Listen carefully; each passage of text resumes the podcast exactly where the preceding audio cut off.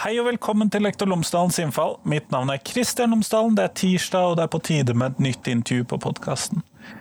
Denne ukens eh, episode, dagens episode, er med Geir Øgrim. Han er psykologspesialist, og han har en CV som er svært imponerende, og du får heller høre han fortelle om den, for han har gjort ganske mye forskjellig.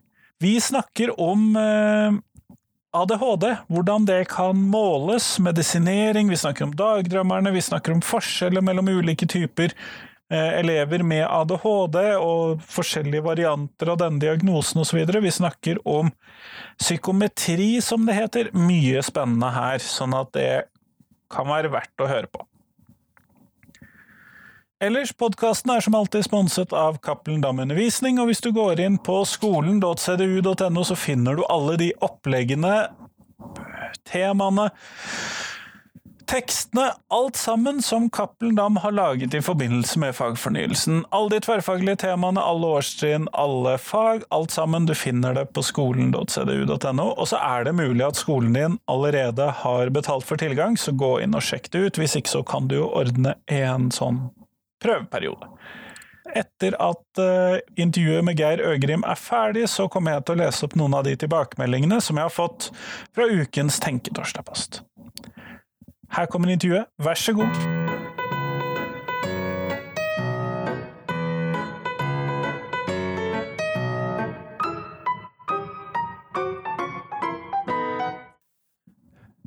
Geir Øgrim, tusen takk for at du har tatt deg tid til meg i dag.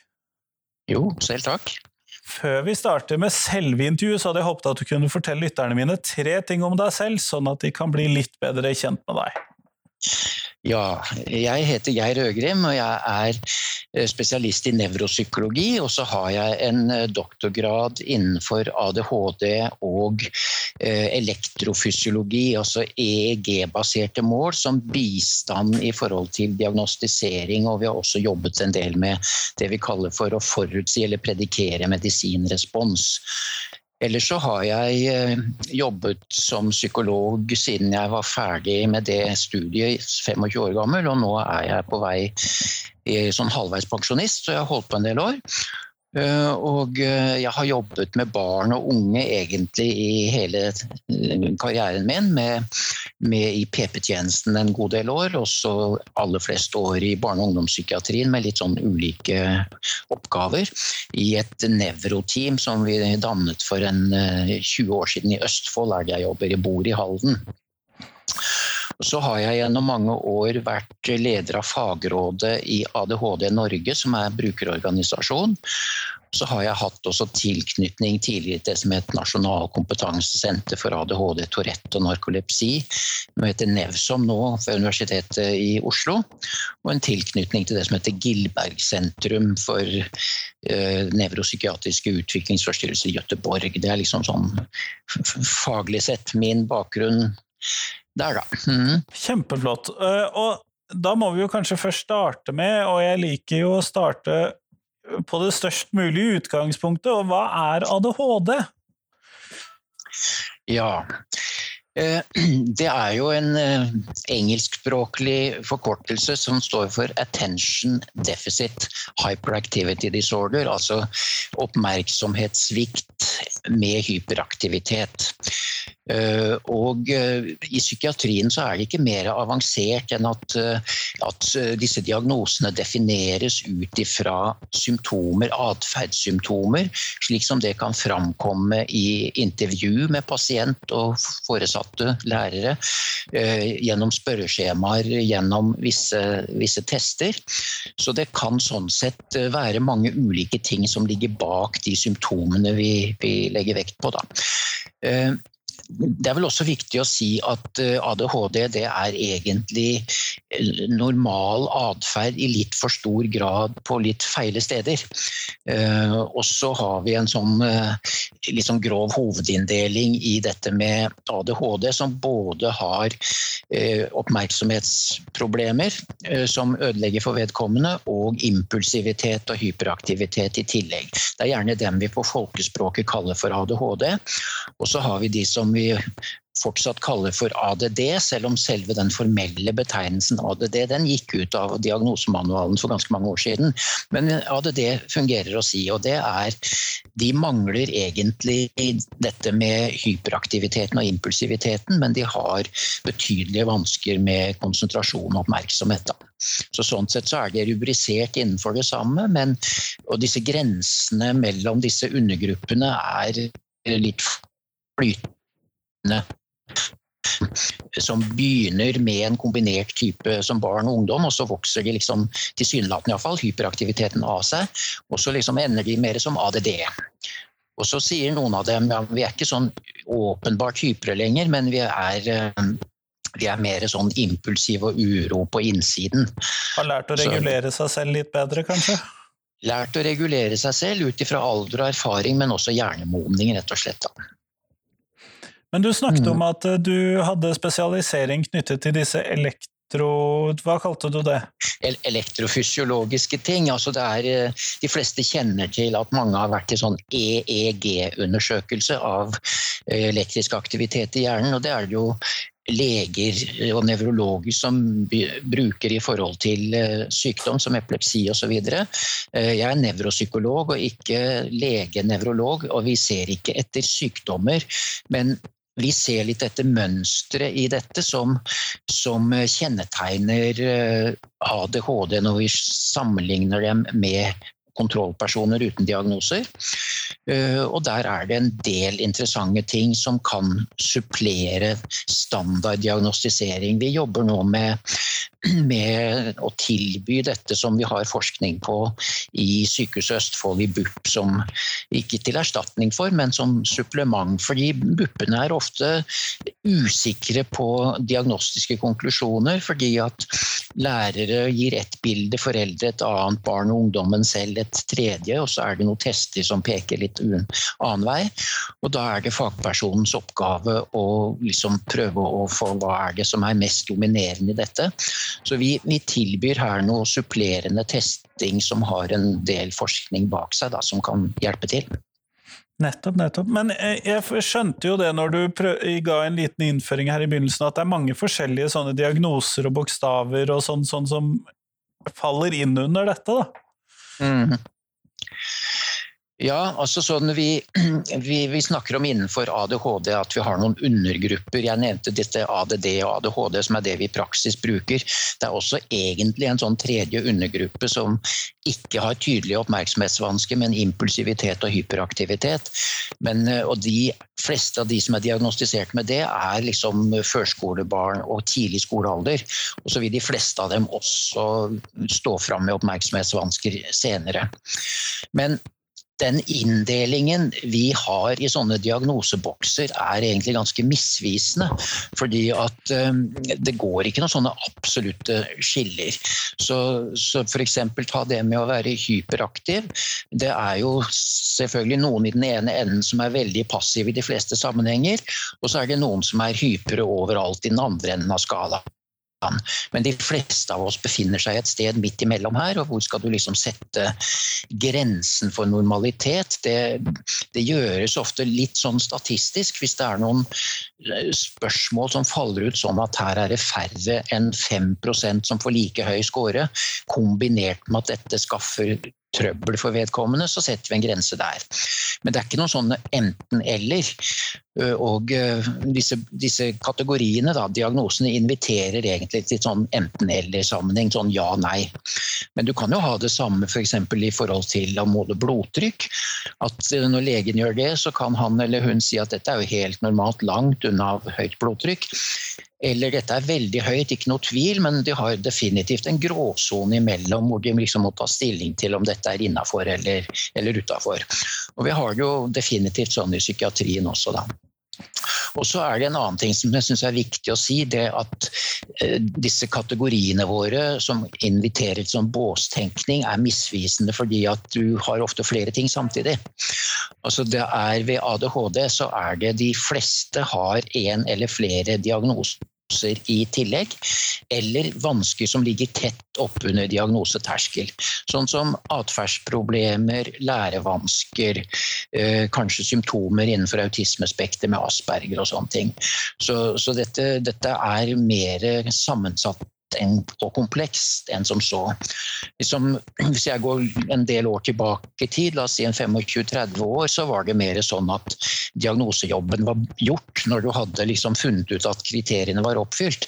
I dag så må vi tenke ok, det er en ADHD, men da er det ganske sikkert noe annet også i tillegg som vi må kartlegge. Både av det vi kaller mer sånne biologiske utviklingsforstyrrelser, men også mer emosjonelle og atferdsmessige ting. Så, så det må kartlegges bredt. da. Så det blir liksom mer starten på et arbeid mer enn slutten på et arbeid?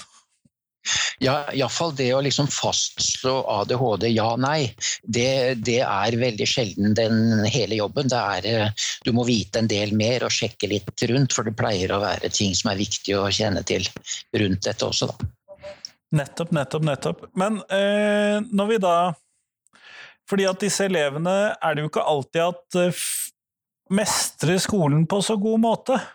Nei. Der har jo du, mm. så, sånn som jeg har forstått, en del erfaring med hvordan vi skal tilrettelegge for disse elevene i skolen. Ja, jeg tenker at uh, dette blir veldig individuelt, og det er viktig å kjenne til liksom, uh, styrker og svakheter hos den enkelte. Og vi i psykologien vi har dessverre vært litt for flinke til å påpeke svakheter og mangler og utfall og defekter, for å si det sånn. Uh, det som betyr like mye, er jo interesser og styrker. Og hvis en, folk tenker på seg sjøl og hva de jobber med og hva de driver med, så er det jo liksom ofte basert på det man er god til og det man liker. Så vi bør kartlegge det like mye som defektene, for å si på den måten. Men, men, eh, de som sliter med oppmerksomhetsvansker, det, det, handler ofte at det er ikke noe problem å være konsentrert om et spennende dataspill. Alle med ADHD er det.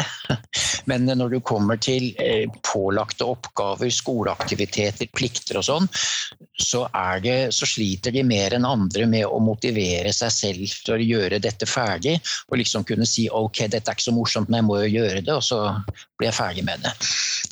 der, der, sliter veldig mange mye mer enn det de andre av oss gjør, og det er litt sånn viktig å forstå. Men det ligger en mulighet i dette også. Pedagogisk sett kan vi liksom legge inn noen gulrøtter underveis. Liksom. Derfra til ditt og derfra til ditt, og når det er ferdig, så er det noe mer positivt som venter etterpå. Så mange har behov for å få delt opp oppgaver og få litt sånn oppmuntringer og ting underveis. Av og til i et system med, med poeng, f.eks. Sånn at man sparer opp poeng som gir mulighet for lystbetont aktivitet seinere. Er det nødvendig, så, så, er det nødvendig. Det er akkurat som hvis noen har en eller annen handikap med å gå, så trenger man kanskje en krykke eller et hjelpemiddel. og Det, det er litt sånn parallell til det. Når det gjelder oppmerksomhetsvansker ellers, så har du denne, innenfor denne ADD-typen, så finnes det noen som har veldig vondt for å komme i gang, og som som skal vi si, jobber sent, og som uh, når læreren har skrevet en del på tavla og regnet med at hele klassen har fått med seg dette, så sitter han eller hun rolig bak i klassen og har fått med seg veldig lite av det og har fått skrevet tre ord av de fem setningene som sto på tavla, og gir opp til slutt. Og han eller hun blir også ofte lett oversett i en stor klasse med urolige elever, f.eks. Så vi skal trekke fram enda en ting som er typisk for veldig mange med ADHD og ADD. Så er det dette vansker med å organisere, planlegge, tenke framover. Eh, og rent pedagogisk så finnes det etter hvert nå noen opplegg som rett og slett prøver å lære disse elevene til å liksom eh, hva, hva, Hvordan tenke framover, hvordan liksom eh, man står i en situasjon, og så er det noe man skal løse. Hvilke muligheter har jeg? Hva skjer hvis jeg velger A, hvis jeg velger B, hvis jeg velger C? Altså tenke litt, litt sånn systematisk som de fleste skal vi si, ungdommer og voksne. Barn har ikke den samme evnen, men ungdommer og voksne har litt sånn en intuitiv evne til å organisere og planlegge og se litt framover. Men, men det der er ofte en svikt ved ADHD. som, som, er viktig å være klar over. Og også kanskje prøve å lære dem opp til en type planlegging og problemløsning. Nettopp. Det er jo en essensiell ferdighet som vi trenger, i hvert fall når vi er voksne. Det gjør det, definitivt. Og eh, det er viktig det du sier, fordi at uh, altså barn, la meg si opp til sånn 11-12 års alder, der legges det jo opp til at en planlegging og organisering av det er en foreldreoppgave. Men når du blir 15 og 16 og oppover, så kan du ikke ha mor eller far til å planlegge for deg hele tiden.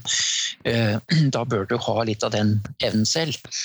Og eh, hvis en del av den funksjonsvansken er at dette er ikke så godt utvikla, så, så, får du et, eh, et, problem, da.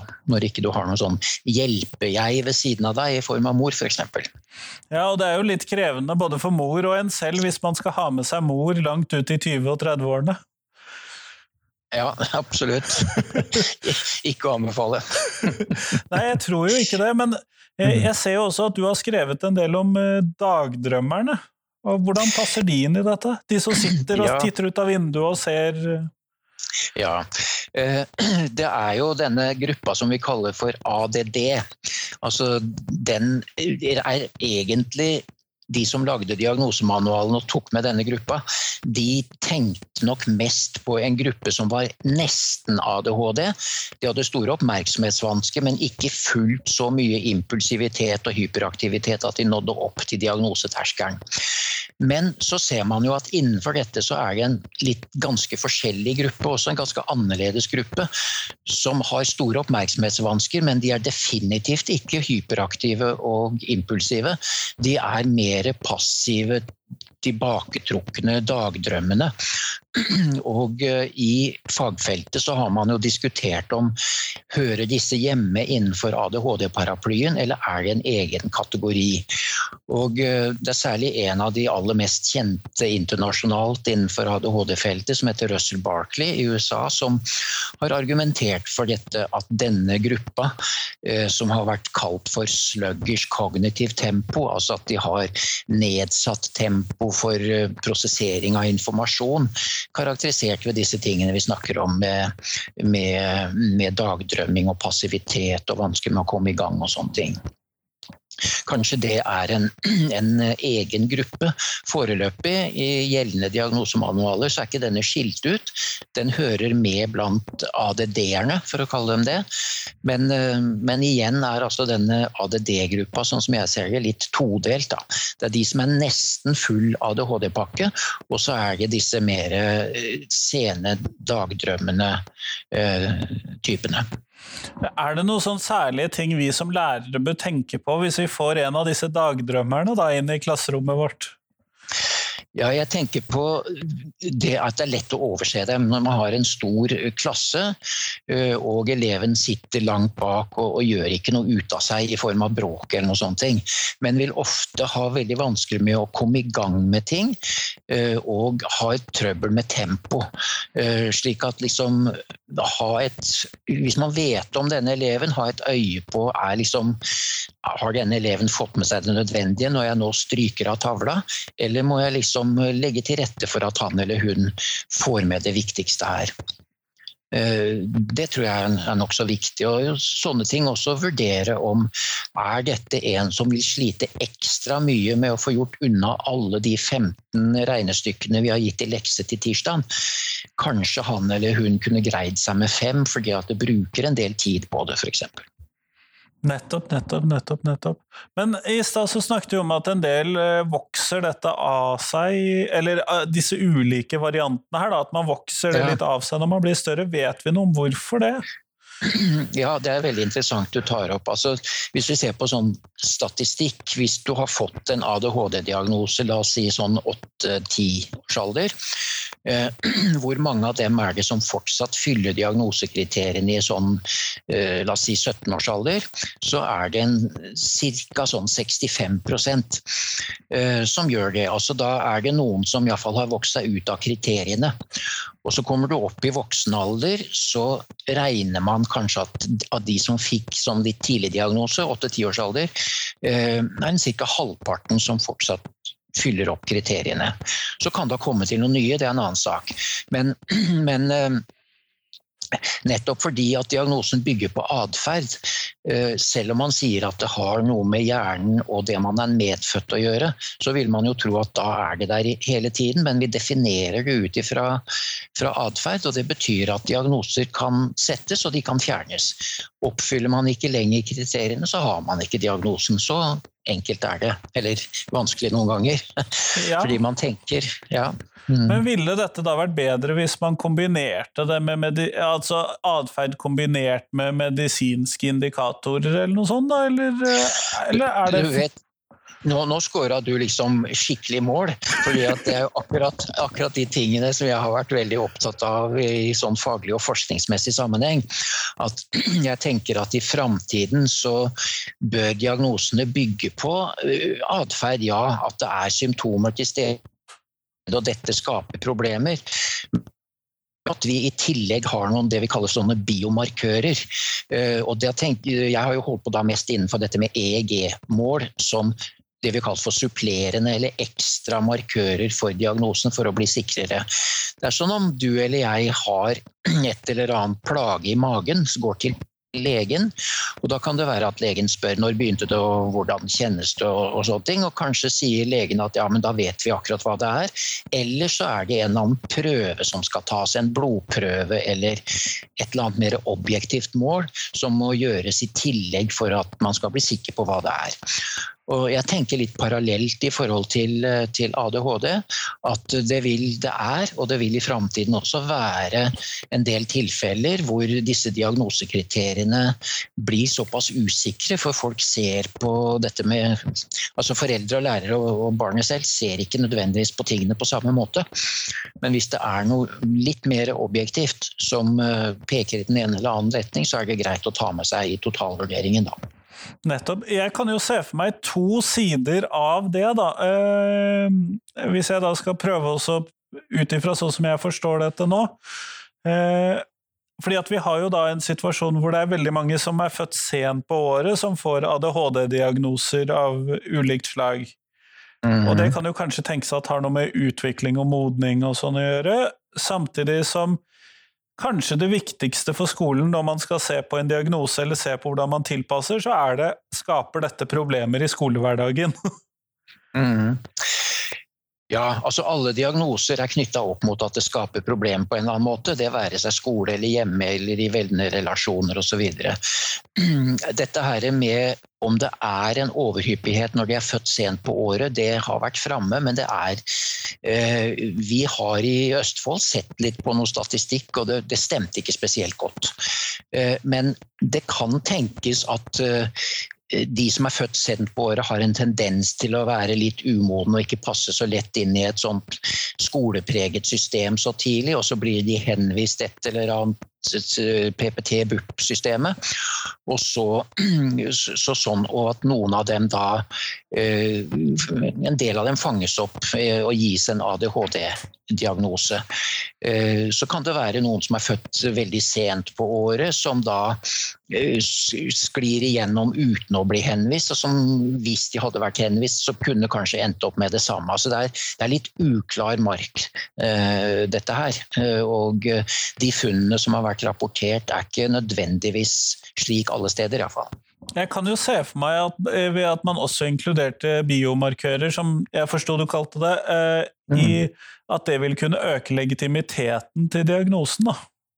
Det er også et poeng som vi har hatt når vi har skrevet om dette i forskningssammenheng. At, eh, for det er jo kritisert at eh, liksom, eh, man kan i media og på sosiale medier og sånt, nå får jo alle og enhver som det er et eller annet med en ADHD-diagnose, nå skal alle være A4-format, eller så får de en diagnose slengt etter seg. Ehm, tar den kritikken til etterretning. Viktig å, å se på at uh, man ikke diagnostiserer naturlig man, mangfold. Men uh, en diagnose skal jo være til nytte for en person fordi vedkommende sliter ganske mye, og at den kan gi en del informasjon om hva som vedkommende trenger, og også rettigheter og muligheter. Så, men, men, hele dette med diagnoser har flere ansikter. Altså den merkelapp og annerledes og noe gærent med meg og sånne ting skal vi ta absolutt på alvor. Men eh, vi som jobber med dette her, er jo opptatt av at dette er eh, ting som peker på kunnskap som kan være til hjelp for den enkelte. Det peker på behandlingsmuligheter, både medisinsk og pedagogisk og psykologisk. Og, og i en viss grad også rettigheter i f.eks. skolesystemet. Selv om det der formelt sett heter at diagnoser ikke utløser ressurser.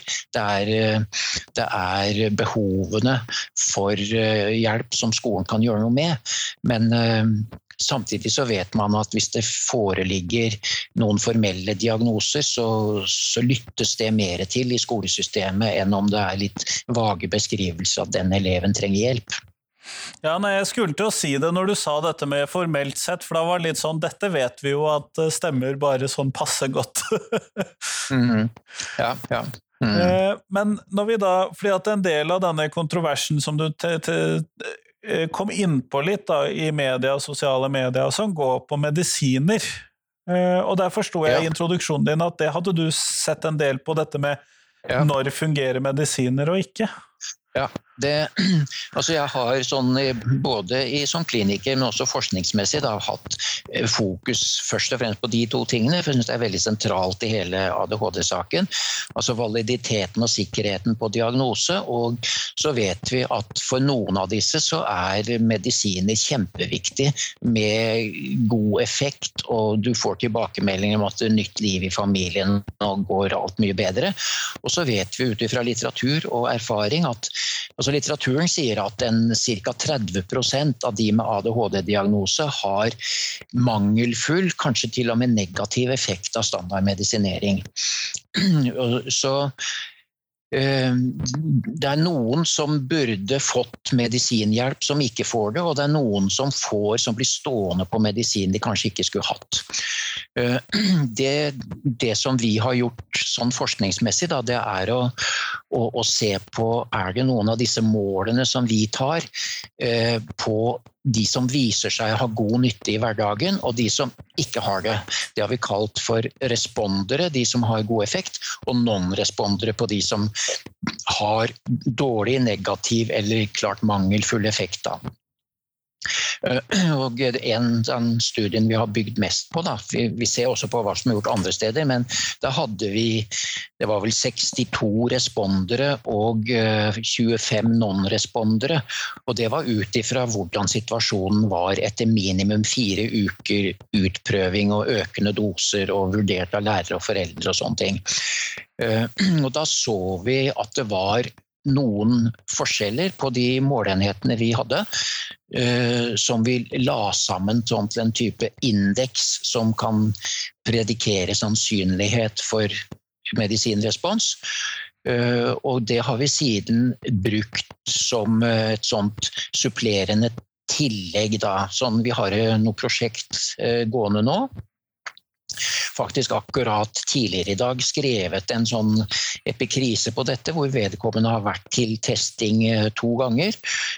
Og hvor jeg skriver at vi har sett på de og de og de målene som eh, endret seg på en sånn endose, har vi da gitt. Altså at de kommer til å ha tatt test nummer to, samme test som vi bruker, men da får de en tablett en drøy halvtimes tid på forhånd. Så rigger vi litt til, og så testes de, og så ser vi på sammenligner test 1 og test 2. Og da har vi visse ting som vi vet vi ser på som indikerer sannsynlig respons. Det andre svaret er at her så vi ikke tydelige indikasjoner på god respons. Det er ikke et fasitsvaret, men da sier vi til lokal lege i BUP at uh, her bør man nok følge litt ekstra godt med for å se om hvordan dette slår ut i praksis. For vi hos oss så var det ikke overbevisende at uh, det er dette vedkommende trenger. Da kan det være andre typer medisin, eller kanskje ikke medisin i det hele tatt. Kan man eh, slutte ut ifra om medisin fungerer på vedkommende om man har en hva skal vi kalle i gåseøyne, ekte ADHD-diagnose eller ikke? Nei, Det er fint at du spør. og dette var, Hvis det går en del år tilbake, så var det liksom til dels i fagmiljøet sånn at ja, men diagnosen fastsettes om det har medisinrespons eller ikke, og det er feil. Altså Det er en god del, da, kanskje en 30% som har korrekt diagnose ut ifra gjeldende kriterier, og som ikke har noen tydelig positiv medisinrespons, kanskje endog negativ. Og eh, vi kan heller ikke se bort ifra at det er andre som kan ha en eh, positiv effekt av denne typen medisin, som ikke har diagnosen. Så har det vært sagt at ja, det er en medisin som virker likt på alle. Eh, både ja og nei til det. Altså Hvis hvermannsen tar en sånn dose altså Det er jo lave doser dette her av metylfenidat eller, eller tilsvarende, så så vil man kanskje på noe sånn oppmerksomhetstesting bli løfta fra gjennomsnitt til litt øvre gjennomsnitt. Altså, det er litt sånn som du og jeg og hvermannsen tar litt sterk kaffe om morgenen for å komme i gang. eh, eh, altså, kaffe er også et sentralstimulerende middel. En litt sånn oppvåkningseffekt. Men hvis man ikke har noen forstyrrelser i oppmerksomhetsfunksjonen sin, så, så vil disse medisinene effekt. Altså kanskje litt eh, grann, men ikke, ikke klinisk viktig. Nettopp. Så for Tilbake til spørsmålet ditt. altså Man stiller ikke diagnose på bakgrunn av medisinrespons. Og uh, det er ikke alle med riktig diagnose som har god medisinrespons på vanlig medisin. Uh, andre kan også ha det. Jeg vet at det er gjort noe forsøk på noen hjerneskadepasienter. Kollega som, i Trondheim i sin tid som fortalte litt om det. Men ellers så er jo dette medisiner som er underlagt strenge restriksjoner, så man kan liksom ikke bare gå til fastlegen og prøve ut lite Grann. Det er ikke, det er ikke sånn det er. Nei, det skulle tatt seg ut. Eller tilsette Ritalin i drikkevannet, f.eks. Da fikk vi en våken befolkning. Jeg tror kanskje ikke det. Nei, jeg tror ikke det heller. Men eh, ut ifra din erfaring, da, eh, opplever du at skolen lykkes med denne elevgruppen, hvis vi tar dem litt sånn under ett? Slår dem litt sammen? Det er vanskelig å si noe sånn entydig på det. Altså, nå må jeg bare si at jeg har jo vært opptatt av eh, barn og unge og skolegang eh, gjennom hele min karriere. Eh, og har ikke veldig detaljert oversikt over utdanning av lærere, men jeg har et inntrykk av at det har ikke blitt fryktelig mye bedre på, i grunnutdanningen for lærere når det gjelder kunnskap om disse utviklingsforstyrrelsene, som f.eks. ADHD og autismespekter og for så vidt eh, altså Når det gjelder sånn visse lærevansker som dysleksi, så har det nok skjedd en god del innen skolen i løpet av noen tiår, definitivt. Men men med en litt sånn solid grunnutdanning og kunnskap om disse tilstandene, og med hovedvekt på de pedagogiske utfordringene og åtgjerder som er relevante, det, det oppfatter jeg som en mangelvare fortsatt i pedagogutdanningen. Så møter jeg jo på i ulike sammenhenger opp gjennom årene lærere og spesialpedagoger og andre lærere som imponerer meg eh, i forhold til hva de får til innenfor sine rammer og eh, den forståelse og interesse de har. Det, det må jeg si. Eh, og så møter vi på sånne informasjonskurspakker for foreldre som vi kjører. Altså, mange som er frustrerte over tilbudet på skolen. Og noen som er veldig fornøyd. Det er veldig sammensatt, det er vel egentlig svaret på det. Eh, og det kan tyde på at systemet ikke er godt nok, for da skulle det liksom helst vært jevnt over bra, og så vil det være noen som er topper og noen som er litt under gjennomsnittet. Men eh, jeg tror liksom at helt grunnutdanningen på dette bør kunne bli bedre. Nettopp, nettopp. Vi går mot slutten av intervjuet, og da skal jeg stille deg det spørsmålet som jeg stiller til alle jeg intervjuer. Og hva er de tre viktigste tingene skolen lærer elevene? Hvis du får velge tre ting, da. ja Jeg tror jo at det er viktig at de lærer disse grunnleggende ferdighetene pedagogisk, som altså lese, skrive og regne og basiskunnskap. Ikke underslår det, selv om jeg er psykolog.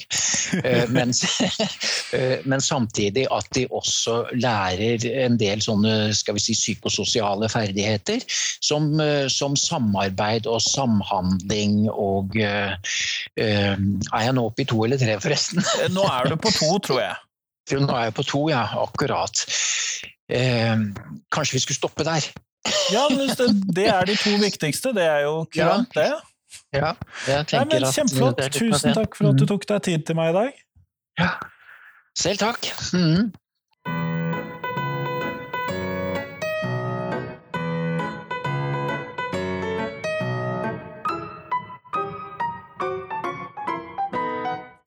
Tusen takk til Geir, og tusen takk til deg som har hørt på. Nå er det fram til og med fredag, så kommer det et nytt intervju på podkasten. Som alltid. Ellers så lovte jeg at jeg skulle si hva som reaksjonene på ukens Tenketorsdag-post, og inne hos Politisk Ungdom så var første svaret religion. Så kom lærere som ikke bryr seg om jobben de gjør. Så kom musikk, politikere og ca. 40% av kristendomsundervisningen. Ellers øh, fjerne unødvendige teoretiske fag på yrkesfag, eksempelvis naturfag på bygg og anlegg. Inne hos lærerne på status lærer så kom Rasmi Krippendorf med presentasjonspedagogikk og nynorsk. Emil Kristiansen sa politikere.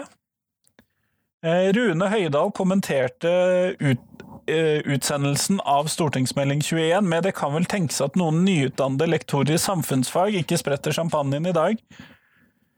Eh, Jannike Bjerke Falk sa også vi som har undervist i mange av disse fagene i mange år, avventer å sprette sjampisen. Jeg mistenker at jeg stilte spørsmålet på litt feil dag.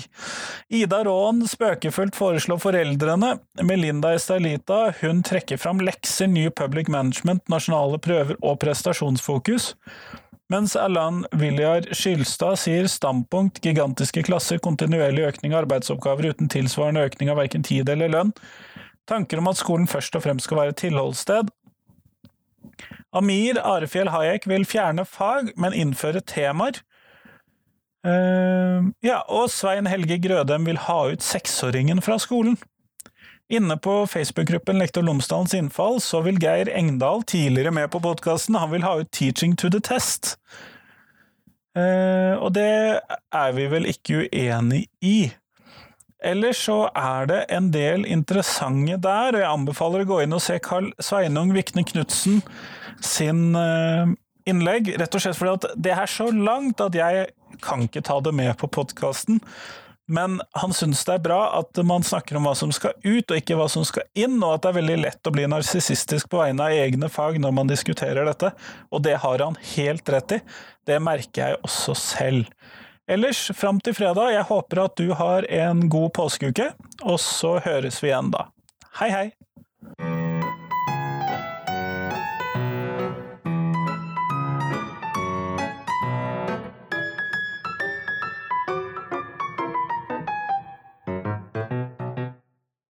Husk det at du kan gå inn på iTunes, podkaster andre steder, og så rate podkasten. Det blir jeg kjempeglad for. Gjerne full pott, selvfølgelig. Men vi høres!